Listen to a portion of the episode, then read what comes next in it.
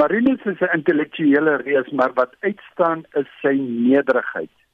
Die feit dat hy in die geselskap van regspraktisyns, advokate, regters, prokureurs gemaklik kon wees in die geselskap van akademici en van studente, sy gemoedelikheid, sy toeganklikheid staan absoluut uit. Marinus was nooit iemand wat hom besig gehou het met politieke ry nie, maar hy het die kuns verstaan om die essensie van die politieke vraagstukke onder die aandag van politici oor die ganse politieke spektrum te bring.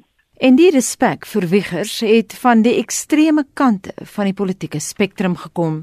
Karel Boshoff, oftewel Karel 4 van Orania, onthou nog die konferensie oor artikel 235 van die Grondwet wat in 2007 op die Afrikaner enklawe gehou is. Anita, iemand wat uh, baie gekruis het met Marinus kan vandag anders as 'n mooi herinneringe te hê nie. Wat ek onthou van buiten sy uitstekende voorbereiding, gereedheid, entoesiasme vir die gesprek, is dit natuurlik daai geweldige reserves van uh, kennis en ervaring wat hy kon ontplooi en sy openheid vir verskil, vir debat Ek dink nou maar by die besondere konferensie aan 'n Franse deelnemer met wie hy met die grootste gemak in Frans kon konverseer. Jy weet, hulle het gesels oor alles en nog wat tegniese sake nogal. Dis 'n groot ou wat homself nooit aangestel het as iemand groot nie, maar wat met wel oorwoestandpunte, baie diepgaande kennis en groot nederigheid 'n plek volgestaan het wat definitief gemis sal word. Ewe vurig oor sy politiek is professor Bani Petjana wat in 1976 onder Marinus Wigger studeer het, maar wat hom later op gelyke voet by Unisa beter leer ken het. When I went to Unisa as vice chancellor in 2001, he had been vice chancellor before my predecessor. He had resigned before the end of his term. There had been a lot of pressure about transformation and he was a victim of that I think. But he generously decided to step aside. So when I came, I came to an institution that had had a succession of vice chancellors and a great deal of uncertainty about what lay ahead. But one of the people who embraced me, who came to lend support, was Professor Vichers. En Bani Patiana was nie die enigste vooraanstaande student van hom nie. Professor Marinus Wiggers het in Desember 2013 sy herinneringe aan nog 'n oud student met Monitor gedeel. Hy was krities en dis wat ek van my studente verwag. Maar daar was geen politieke ry in sy antwoord in die vraestel nugter en baie korrek en die dag toe hy vrygelaat is toe um, die telefoon van dwars oor die wêreld gebel as uh, met die baie professor van Brussel, Londen, Parys en Duitsland en so en ek moes onderhoude gee en die gevolg daarvan was dat ek daarna dwars oor die wêreld briewe gekry het Marinus Wieger Suid-Afrika want almal wil toe by Nelson Mandela se universiteit studeer. En dit was by die einste Unisa waar Marinus Wieger se voorliefde vir kuns uiting gekry het. He spent a lot of time in the art gallery at the university. He was almost like a curator of the art gallery. He was assisting the curators with the works that were there. They found him extremely knowledgeable and very, very helpful. He certainly didn't wear on his sleeve the fact that he'd been vice chancellor and bullied people around. I found it very helpful also to have with me always, he always had a very kind comment to make about what was happening in the institution. Maar Wiggers het nie net sy lyf kurator gehou nie.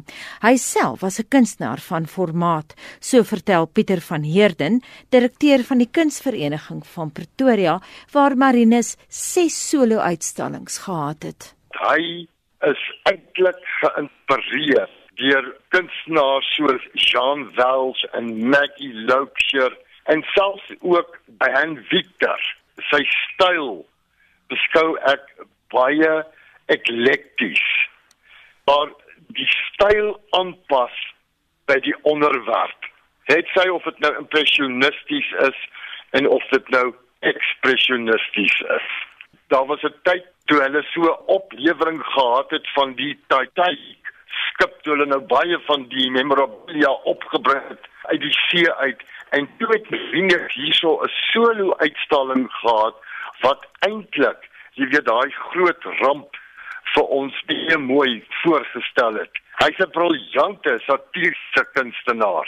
Maar sy talente as kunstenaar toon net die veelsidigheid van die man wat 'n mede-opsteller van die Namibiese grondwet was en wat ook help skryf het aan die tussentydse Suid-Afrikaanse grondwet.